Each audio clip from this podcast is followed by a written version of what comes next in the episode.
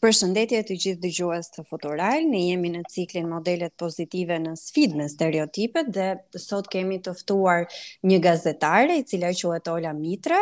Përshëndetje Ola. Përshëndetje Doralda, shumë faleminderit për ftesën. Përpara se të, të fillojmë me prezantimin tënd, do doja që të të falenderoja edhe uh, i konsideroj me shumë vlerë ato që ti do ndash me ne sot. Uh, dëgjues të Futural.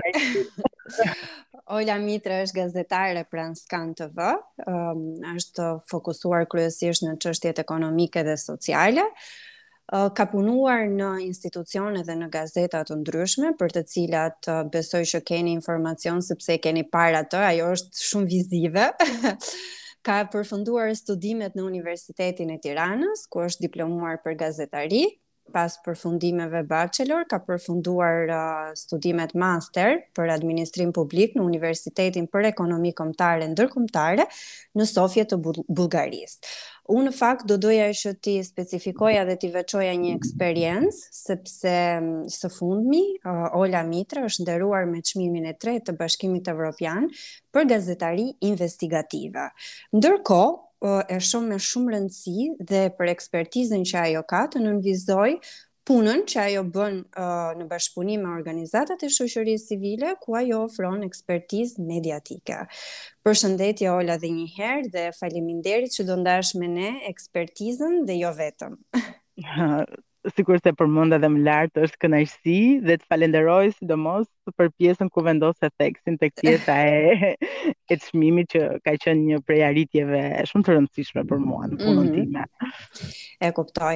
Ola si është të jesh një gazetare investigative, sepse duhet gjithashtu të themi që ti je pjesë e rrjetit ballkanik ba, ballkanik për gazetari investigative, pra BIRN. Kështu që çfarë bën ti aty si është për një vajzë, për një grua që të jetë aktive në në këtë fushë dhe edhe gazetari, po edhe investigative. Ë sigurisht që gazetaria investigative është një prej zhanreve më të vështirë të gazetarisë në fakt, sepse kërkon impenjim, kërkon kohë, kërkon uh, sigurisht një analizë më të specifikuar dhe pa diskutim duhet të jesh uh, shumë e kujdesshme në atë çka ti për cjell në mhm. në në në shkrimet apo qofshin edhe këto emisione uh, për të cilat ti ti kontribuon dhe raporton uh, është e vështirë por pa diskut, pa diskutim uh, jo e pamundur dhe uh, pikërisht këtë të fundit e tregon uh, një numër i madh uh, shkrimesh, por edhe emisionesh, sepse unë përveç shkrimeve që kontribuoj herë pas here në rrjetin ballkanik për gazetari investigative, realizoj edhe një emision investigativ mm -hmm. pranë mhm. televizionit Skan që titullohet Eko Skaner dhe që kryesisht fokusohet tek çështjet mjedisore, uh, pa diskutim që uh, është e vështirë por e pa, jo e pamundur sikurse e përmenda, sepse janë pikërisht këto këto produkte mediatike të cilat tregojnë që mund të mund të bëhet kjo lloj gazetarie mm -hmm. dhe mund të dalin me të vërtetë çështje dhe mund të denoncohen çështje të cilat nuk shkojnë qoftë qoftë kjo në drejtim të shkeljes së ligjit të abuzimit me pushtetin pra uh, pa diskutim që jo vetëm unë por edhe një sërë kontribuar po. në këtë model uh, gazetarie që me të vërtetë shpesh herë ka sjellë edhe reagime të forta institucionale mm -hmm. sepse uh, evidentimi i paligjshmërisë pa diskutim që nxit edhe reagimin e institucioneve më pas. Ola, unë në fakt kam një kuriozitet sepse gjatë jetës së përditshme ti dëgjon njerëz që ndërtojnë edhe stereotipe, o kur bëhet fjalë edhe për vajzat dhe për gratë dhe për punën e tyre. Sa shpesh e ke dëgjuar shprehjen që gazetaria, po edhe ajo investigative nuk është për gratë. Nuk është për gratë sepse ato uh, nuk janë në gjendje që të përballen qoftë edhe me shantazhet apo qoftë edhe me ato uh, kërcënimet të padukshme ose të dukshme se asnjëherë nuk uh, nuk e dimë çfarë çfarë na pret pas një veprimi të caktuar.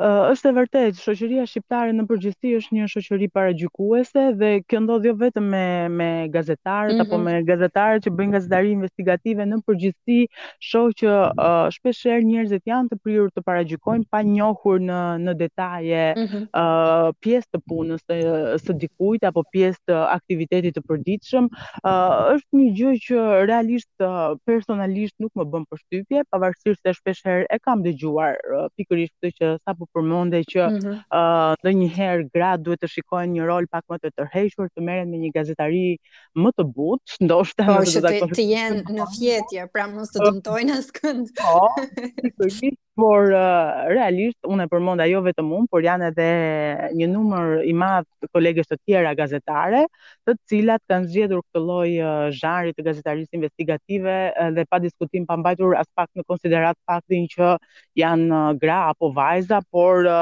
normalisht janë udhëhequr sikurse edhe unë nga parimet e të vërtetës në të bërë një punë, të pasionit mbi të gjitha dhe kjo ka qenë pikërisht ajo që ne na ka udhëhequr në punë pa marrë fare në konsideratë që mhm. një grua nuk duhet ta bëjë një një një gjë të tillë pa diskutim që jo nuk ka qenë aspak pengesë. fakt dhe kjo është një një mënyrë që ne uh, thjesht kemi treguar që këto stereotipe uh, janë të dëbuara dhe pa diskutim janë të ngritura pa as edhe një lloj baze, nuk qëndrojnë askund dhe uh, këtë e dëshmon më së miri puna që që ajo shpesh bën çdo ditë. Po, ke ke ndonjë eksperiencë ti që e lidh me këtë që sapo përmendëm, që Shqipëria e ka pak të vështirë që ta përfshijë gruan në punë burrash, për të them me me me thonjza. Një një e, e, eksperiencë e jotja, një situatë që ty të ka ndodhur, jo vetëm që lidhet me gazetarinë, po është në pjesën tjetër, pra në takime që ti mund të kesh bërë, qoftë për mjedisin apo për çështje të tjera, sepse ne e thamë që ti je shumë e përfshirë edhe me organizatat e shoqërisë civile, kështu që besoj kontaktin e ke jo vetëm te gazetaria si si punë. Uh, kuptoj, uh, do, do doja të ndalesha në dy aspekte të rëndësishme për këtë që sapo më pyete. E para ka të bëjë me pjesën uh, mediatike. Mm -hmm. uh, realisht, uh, ne shohim shumë gra dhe vajza të cilat punojnë dhe bëjnë atë gazetarinë e përditshme, por kemi pak ose aspak drejtuese mm -hmm. uh, gra. Pra, uh, në, në pjesën e pozicionit menaxherial, ne vërejmë një një diferencim dhe shpeshherë ndodh që gratë të konsiderohen si ë të pamundura ndoshta ose mhm. të paafta në thonjza për të bërë një për të drejtuar një media. Kjo edhe për faktin se gjithmonë gruaja shikohet gjithmonë lidhet me atë pjesën e familjes. familje dhe mendohet se është e pamundur që të bëjë ndoshta dhe një punë që mund të kërkojë një orar pak më të mhm. zgjatur. Mm -hmm. Kjo është me të vërtetë uh, është me të vërtetë uh, e theksuar në sektorin mm -hmm. e mhm. medias uh, dhe nga ana tjetër uh, ndoshta unë nuk kam nuk kam një një një rast konkret në në, në këtë drejtim. Mendoj që deri më tani nuk më ka penguar askush dhe për faktin që unë jam unë jam një një vajzë, një grua dhe kjo ka ky ka qenë një parim që nuk më ka penguar asnjëherë, por uh, do doja që të përmendja një një studim mm -hmm. ose më saktë barometrin e lirisë së medias për vitin 2020, i cili ku unë jam një prej bashkautoreve të tij, është realizuar nga Komiteti Shqiptar i Helsinkit dhe ku ne patëm mundësi që të intervistonim 200 punonjës të medias, mm -hmm. pra jo vetëm gazetarë, por edhe montazhierë, operatorë, regjisorë, pra të gjithë punonjësit e punës dhe uh, një shifër që është me të vërtetë uh, e vështirë për t'u përmendur mm -hmm. nga mhm. ana ime është fakti se shtatë për qind e të intervistuarve përmendën se kishin hasur në ngacmime seksuale në vendin e punës.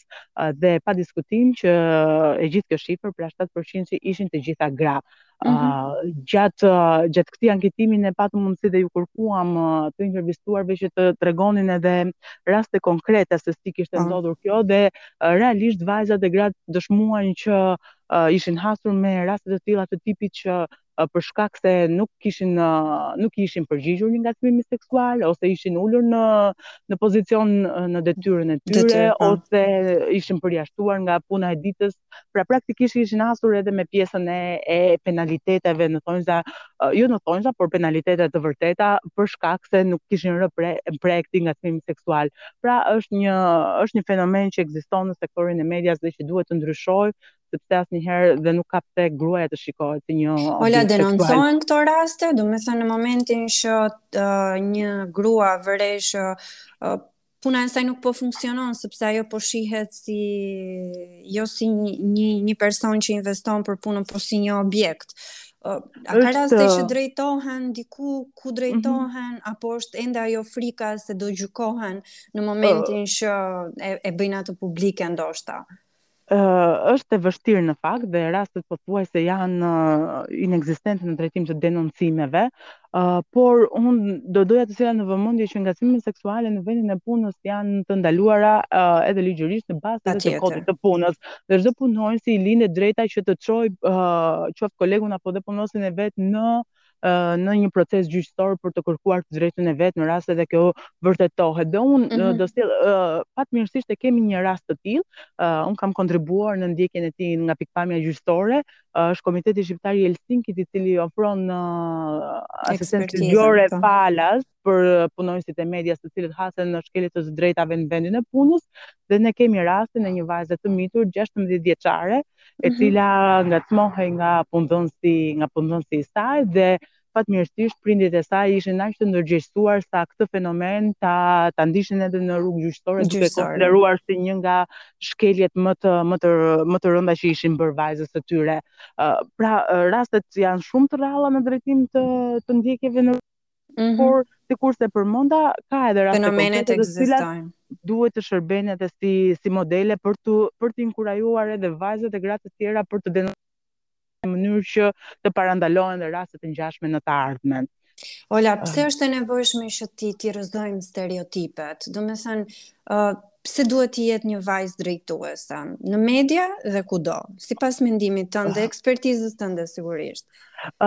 Sinqerisht unë mendoj që unë jam kundër po themi favorizimit të një vajze thjesht për faktin se ajo është vajzë apo grua dhe për këtë arsye ajo duhet të jetë në në një pozicion drejtues absolutisht jo gjithmonë kam qenë e mendimit që edhe kuotat gjinore që janë vendosur për shembull për parlamentin e Shqipërisë apo edhe për këshillat bashkiakë nuk mendoj se i shërbejnë në kuptimin e, e ndryshimit të stereotipit mm -hmm. për sa kohë Unë mendoj që këto pozicione duhet të mbahen nga njerëz që vërtet i meritojnë këto pozicione. Patjetër. Dhe uh, ajo që unë kundërshtoj është fakti se uh, nëse një grua uh, edhe në media vërtet meriton që të jetë një drejtuese, ajo uh, asaj i, i hiqet kjo mundësi vetëm për faktin se uh, se është uh, se ka këtë gjini dhe këtu unë nuk bie dakord, prandaj mm -hmm. do mhm. doja që uh, si gratë ashtu dhe burrat të kishin të njëjtat të njëjtat mundësi, mundësi për të avancuar në karrierën e tyre dhe pa diskutim që gratë mos pengohen në rast se vërtet e meritojnë që të jenë në këtë pozicion.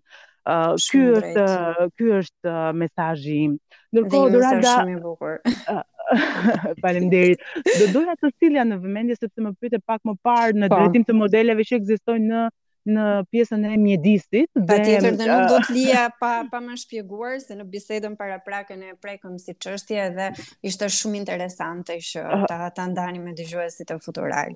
Kështu që Ola me shumë kënaqësi. Nda pak më lart unë në televizionin Skan realizoj mhm. edhe një emision investigativ që është fokusuar tek çështjet mjedisore, është Eco Scanner dhe në një prej serive M'u desh që të trajtoja një temë për ndërtimin e një hidrocentrali në kanionin e Bicajt, aty ku institucionet në fakt kishin lejuar të ndërtohej kjo vepër hidroenergjetike në kundërshtim me legjislacionin në fuqi dhe mua mm -hmm. do mhm. të më duhej që të intervistoja edhe banorë të zonës duke qenë se ata ishin kundër kësaj kësaj vepre hidroenergjetike dhe për faktin se ai do të thante ujin e e lumit që ata e përdornin për për ujitjen e tokave të tyre. Organizova paraprakisht banorët të cilët do duhej të më të më prisnin për të dhënë opinionet e tyre dhe realisht kur kemi mbërritur me grupin e xhirimit uh, në terren, uh, të gjithë ata që ishin duke na pritur ishin burra. dhe realisht ishte diçka që më bëri vërtet përshtypje dhe madje i pyeta dhe banorët ku i keni gratë, sepse normalisht një po, rezistencë edhe më e madhe do të ishte edhe më mbështetëse në kauzën e tyre. Ishte një situatë që kaloi pak me të qeshur, por që realisht tregon që roli i grave, në, sidomos në sektorin e mhm. mjedisit, mbetet i ulët në drejtim të mbrojtjes së kauzave, edhe pse edhe pse gratë janë ndonjëherë ato që preken edhe më tepër nga këto nga këto nga impakti mjedisor që mund të ketë një mm -hmm. çështje e caktuar. ë uh, Megjithatë, ne duhet të frymëzohemi ndoshta edhe nga modele që vijnë qoftë edhe nga vendet e rajonit. Um, kemi në Bosnjë Hercegovinë një grup grash të cilat kanë mbrojtur përgjatë gjithë kohës një rast të ngjashëm, një hidrocentral e kanë kundërshtuar atë, kanë mbrojtur lumin dhe realisht ia kanë dalë. Ia kanë dalë. Pikërisht do doja që këto modele t'i shohim edhe në Shqipëri, pse jo në një të ardhme të afërt. pra, fjalia e fundit ishte gratë mund t'ia mund t'ia dalin mbanë, kështu që nuk ka nuk ka as pjesë të shoqërisë që duhet ta mendojnë se disa punë janë për burrat edhe disa janë për gratë. Ola, ne jemi po.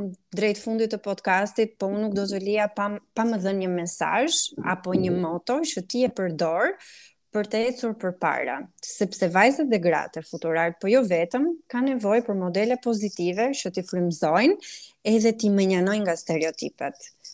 pa diskutim mesazhi im do të jetë mos u tërhiqni asnjëherë, vetëm përpiquni uh, sepse jam e sigurt që në rast se përpiqeni dhe ngulmoni në një çështje të caktuar që ju me të vërtetë dëshironi ta arrini, jam e sigurt që do t'ia dilni.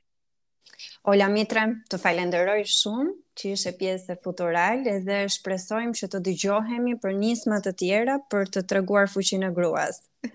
Faleminderit, ishte vërtet kënaqësi. Kënaqësi e imja.